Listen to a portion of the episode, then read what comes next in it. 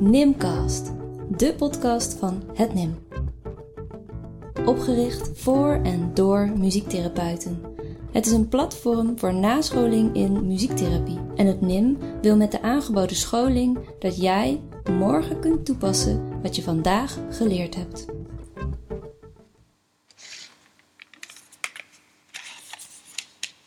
Wij zitten natuurlijk altijd met een raadsel van de cliënt voor ons. Zo van, wat gaat er om in iemands hoofd? Het is niet zo onschuldig als mensen denken. Voor mij is het een fascinatie van, wat horen mensen nou eigenlijk? Waarom houdt niet iedereen van Steve Reich en waarom houden mensen van André Hazes? Hoe komt dat nou? Je luistert naar aflevering 3 van Nimcast, opgenomen op 11 oktober 2021. In deze aflevering spreek ik Joosje via Zoom met Martine Laasma en Claire McFarlane over receptieve muziektherapie. Beide zijn zij muziektherapeuten met een brede staat van dienst. Martine werkt als muziektherapeut in de GGZ. Zij is senior docent bij verschillende bachelor- en masteropleidingen voor muziektherapie en is een van de hoofdredacteuren voor het tijdschrift voor vaktherapie. Claire werkt in de forensische psychiatrie, waar ze zich specialiseerde in de behandeling van trauma. Ze werkt als gastdocent en is buitenpromovendus bij de Universiteit van Tilburg. Beide publiceerden zij over hun vak en zijn ze betrokken geweest bij het opzetten van de Master Muziektherapie aan Koonarts. Ik ben eigenlijk benieuwd hoe jullie zelf zo bij receptieve muziektherapie zijn gekomen. Is dat iets waar jullie altijd al actief in waren? Of is dat op een gegeven moment eh, als een soort van interesse naar voren gekomen? Ja, uh, nou, ik ben eigenlijk opgeleid als muziektherapeut uh, in de Haagse school. Zo heette dat vroeger, in de jaren 80, 90. Uh, in Den Haag had je twee grote psychiatrische centra, Rozenburg en Bloemendaal. Daar werkten Nick van Nieuwenhuizen en Gabi Wijzenbeek. En die hadden eigenlijk uh, samen met Amaretje van Dokkum en Jet Gabriels uh, een hele methode ontwikkeld. Naar aanleiding van het werk van Louis Freund en ook wel Schwabe, de regulatieve muziektherapie. Een model om te werken met mensen met ernstige psychiatrische stoornissen, met ernstige depressies. Uh, het luisteren naar muziek, omdat dat een meer toegankelijke manier van de toepassing van muziek bleek te zijn uh, in de GGZ. Daar hebben ze later ook onderzoek naar gedaan met Henk Smeisters in 1995. Uh, en ik ben eigenlijk door hun opgeleid, door de hele ploeg muziektherapeuten daar. en we hadden ook gedeeltelijk allemaal een conservatoriumachtergrond. Um, en ik merk zelf dat ik ja, dat muziek luisteren ook dermate interessant vond. Omdat we ook merkten dat het bij mensen met een depressie zo'n grote impact had. Als het ging over bijvoorbeeld affectmodulatie. Op een heel andere manier dan muziek spelen. Wat toch vaak veel te invasief was voor die hele zieke groep cliënten op dat moment. En dat heeft die fascinatie van hoe dat werkt en waarom muziek luisteren als een aparte interventie zo'n krachtig middel is heeft me eigenlijk blijvend gefascineerd. Ik ben me er later ook in gaan specialiseren en heb daar onderzoek naar gedaan. En ben ook gaan lezen naar aanverwante onderzoeksgebieden. Um, en dat is eigenlijk altijd zo gebleven, die fascinatie. Ja. Oké. Okay. Ja, en dan Claire, hoe is het bij jou zo, uh, zo, zo, gekomen? Uh, bij mij is het ook via de praktijk gegaan, maar ik werkte toen bij wat nu GG-net hoort in Apeldoorn. De praktijk voor persoonlijkheidsstoornissen met low-level borderliners. En um, werkte allemaal uh, alles groepsgericht. En het viel mij op een gegeven moment dat. Uh, nou ja, er was op een gegeven moment groep een discussie over wat nou de beste muziek was of zoiets dergelijks. En het was interessant om te zien dat ze het niet met elkaar eens waren en dat nauwelijks verdroegen. Dus toen uh, dacht ik, nou, dit moeten we even in banen leiden. dus toen uh, heb ik ze uitgenodigd om hun uh, muziekvoorkeur mee te nemen naar de muziektherapie sessie. En ook al met de groep afgesproken, hè, we gaan onbevooroordeeld naar elkaar luisteren. Je mag het niet mooi vinden, maar je gaat het niet afkraken. En we gaan respectvol met elkaar om. En um, vervolgens was dat zo mooi in die sessies die daarop volgden. Om, dat ze dan ja, iets deelden en hoe dat dan werd opgevangen of opgepakt door de rest van de groep. En uh, ja, daar ontstond ja, een soort wederzijds respect en een veel meer begrip voor elkaar. eh, die ik echt ontzettend verrassend vond. En ehm, daar is mijn fascinatie begonnen met van ja, hoe, hoe werkt dit dan en waarom werkt het dan zo in de groep? En wat had ook wel helder dat die randvoorwaarden heel belangrijk waren. Uh, er was ook mooi om te zien op een gegeven moment dat dat ook telkens als er nieuw iemand in de groep kwam, werd hij even door de rest van de groep uh, uh, ingewijd in hoe dat moest. en het is toen, vanaf toen eigenlijk een terugkerend werkvorm, zeg maar, geweest. En ook wel heel interessant om de groep ook uit te dagen om van wat vinden jullie dan ontspannende muziek? En dan nam iedereen zijn voorbeeld mee. En het zal nooit vergeten dat dan een patiënt Sepultura opzette. Uh, en zei hiervan ontspan ik. En de rest van de groep zat echt helemaal en, en hij juist niet. Nou ja, allemaal dat soort zaken waar momenten, zeg maar, waardoor ik dacht, ik moet hier meer of ik wil hier meer van weten. En het is een ontzettend krachtig instrument, maar je ziet ook heel gauw uh, dat je met je eigen vooroordeel over bepaalde kwaliteiten van muziek zo de mist in kan gaan. Ja, en dat is wel uh, iets heel interessants wat je meteen zegt. Want jullie, uh, nou, jullie hebben alle twee een, echt een praktijkervaring waarin je merkte van hé, hey, dit, is, dit is een insteek die, ik, die, ja, die belangrijk is, waar ik, waar ik iets mee, mee wil en mee moet. Meertine, jij zegt, je bent ook erin geschoold eigenlijk. En als ik kijk naar mijzelf dan, dan, en mijn opleiding, dan denk ik, nou, er was niet zo heel specifieke aandacht voor receptieve muziektherapie. Uh, wat dat betreft heb ik heel veel uh, geleerd ook in jullie webinar, waarvan ik dacht, ah, daar heb ik helemaal nog niet rekening mee gehouden. Jullie hebben daar al twee al heel, uh, met heel veel passie ook over gesproken. Maar ook klikt ook een beetje een missie in door. Klopt dat een beetje? Jullie dat? De, de missie is inderdaad echt zo van, kijk, de, toevallig hadden we het laatst over, er is een bepaalde laagdrempeligheid rondom een muziekje opzetten. En we zien het bij steeds meer therapieën en steeds meer disciplines. Dat ze of advies geven, ach, luister even naar een stukje Bach, altijd goed, of Mozart. Of uh, um, hè, we sluiten de sessie even af met een muziekje. Of, mm. oh, oh, uh, dit is wel een heel interessante tekst. En dan gaan ze helemaal voorbij aan de kwaliteit van de muziek, want het gaat alleen maar over de tekst. Ja. En uh, voor je het weet heb ik vervolgens allemaal patiënten bij mij in therapie die allemaal zeggen, ja, daar, uh, daar luister ik niet naar. Of uh, weet je wel, of helemaal tegen de gordijnen opgaan. omdat iemand zomaar een muziekje op aan het zetten is. En die laagdrempeligheid, dat is onze missie, om dat denk ik uit te dragen van, ja, het is niet zo onschuldig als mensen denken.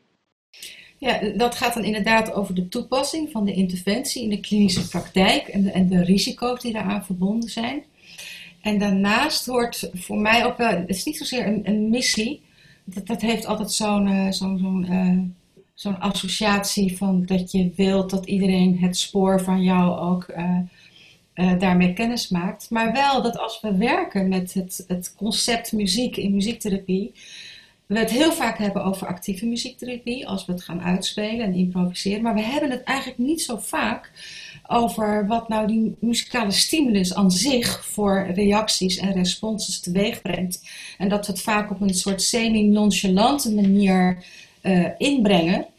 Terwijl we weten uit onderzoek en uit de klinische praktijk en aanverwante onderzoeksdomeinen, zoals de neurobiologie en de muziekpsychologie, dat er heel veel verschillende soorten perspectieven zijn op hoe je nou die luisterervaring kunt verklaren en wat er gebeurt op de verschillende niveaus. En dat is wel iets wat ik zelf heel belangrijk vind, als, ook uit een soort verantwoordelijkheid. Want ik had zelf, ik weet toen ik, toen ik ooit begon met een, met een onderzoek, dat ik dacht van, uh, wat wil ik nou eigenlijk weten? Ik wil weten of mijn patiënten hetzelfde horen in de muziek als wat ik hoor. Ja. En dat bleek gewoon helemaal niet zo te zijn. En dat heb ik vanaf dat ik in de jaren negentig ben begonnen als muziektherapeut, heeft mij dat altijd gefascineerd. Komt die stimulus wel binnen zoals wij denken dat die binnenkomt? Mm. En heel vaak is dat niet het geval. En we hebben daar eigenlijk niet genoeg verstand van of niet genoeg besef van. Dus als we luisteren naar muziek, ontstaat er een, een, een set-up van perceptie en van gehoor en geheugen en verwachtingen.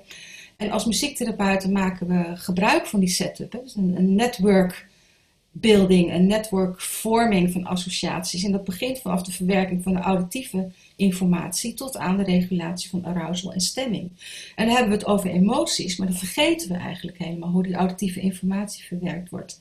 En ik vind het heel fascinerend dat er uit allerlei andere onderzoeksgebieden zoveel uh, interessante resultaten komen die wij heel goed kunnen gebruiken in onze klinische praktijk. Dat is dan misschien de missie of de, de verantwoording of de fascinatie. Voor mij is het dan een fascinatie van wat horen mensen nou eigenlijk? Waarom houdt niet iedereen van Steve Reich en waarom houden mensen van André Hazes? Hoe komt dat nou?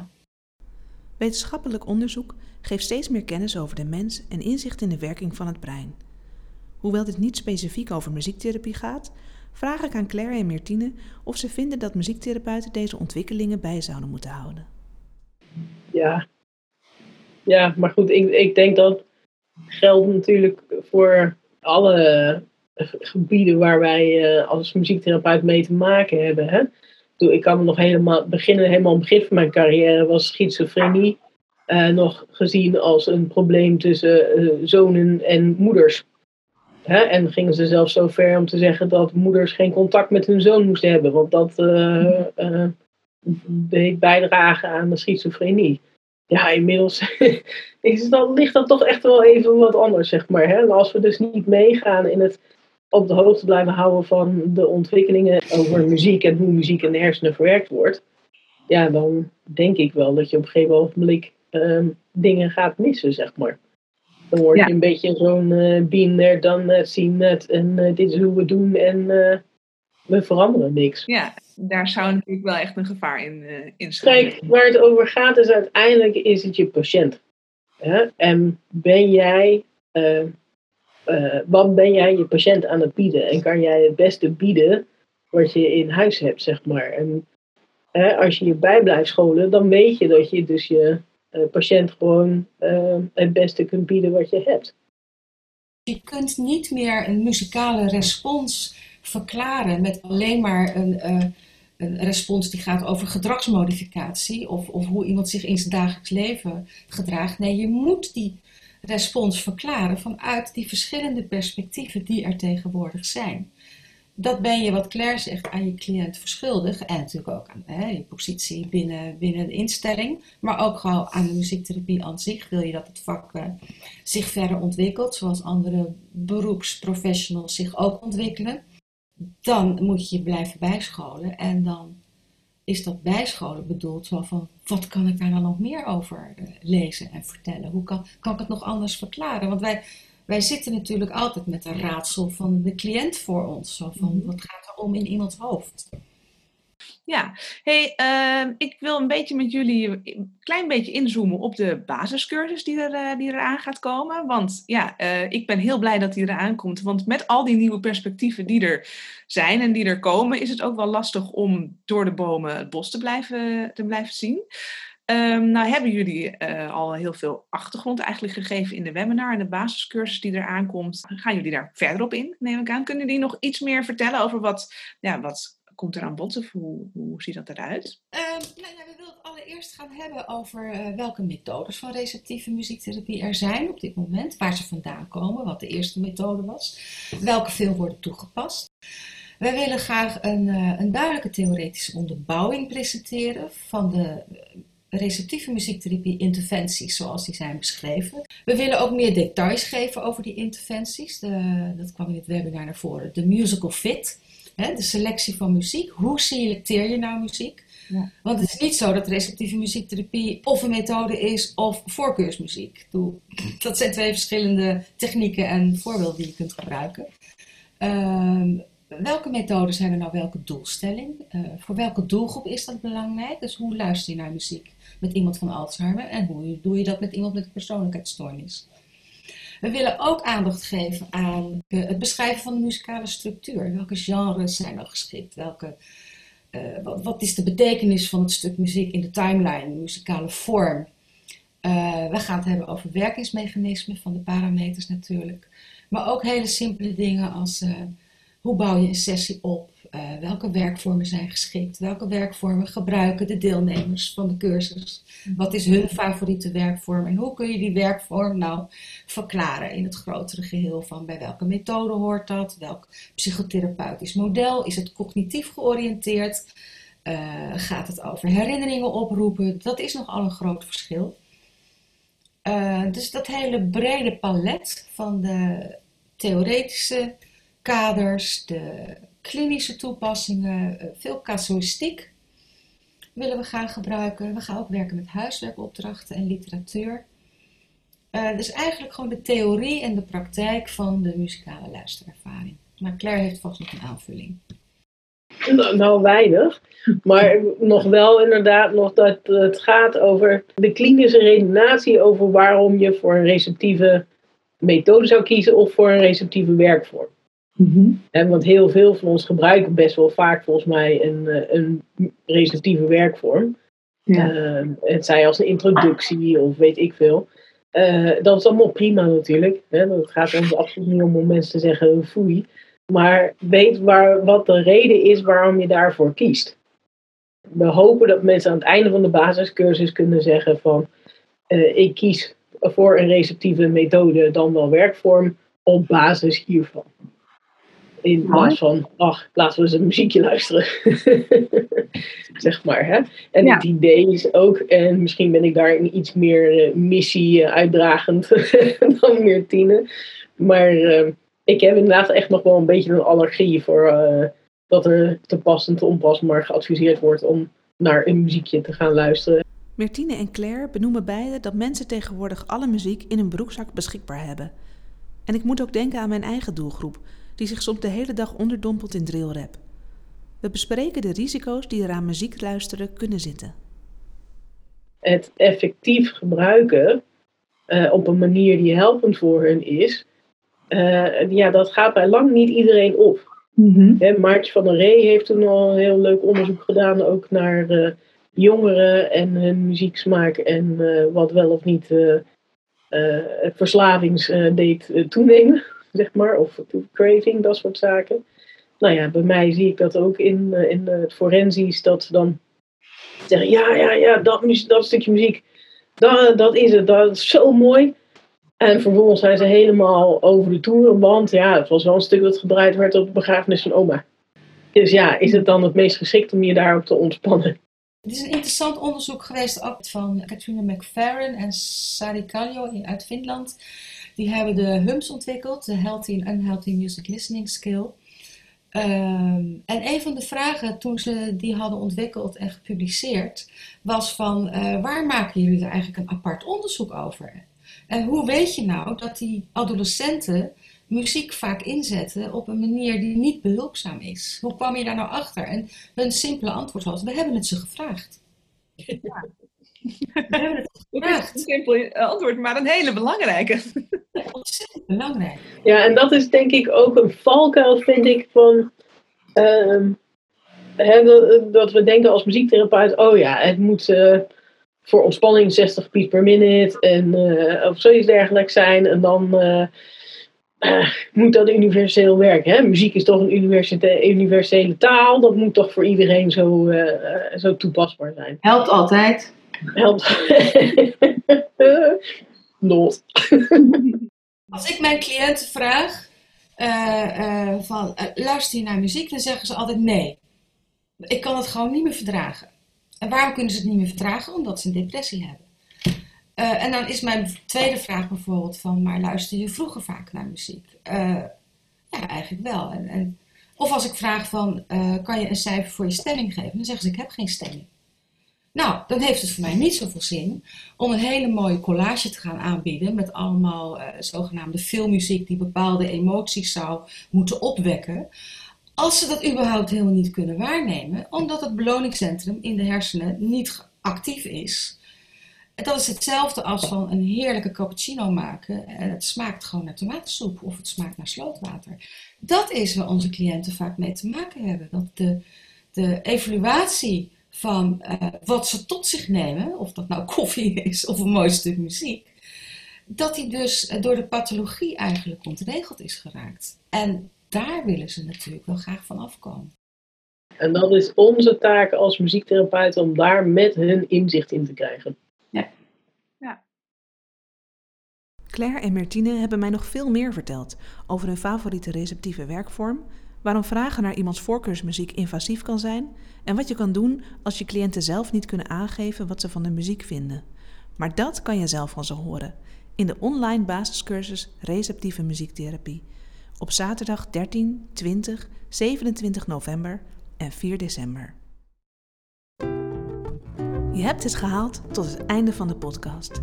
Dankjewel voor het luisteren. Wil je iets met ons delen? Heb je tips of feedback?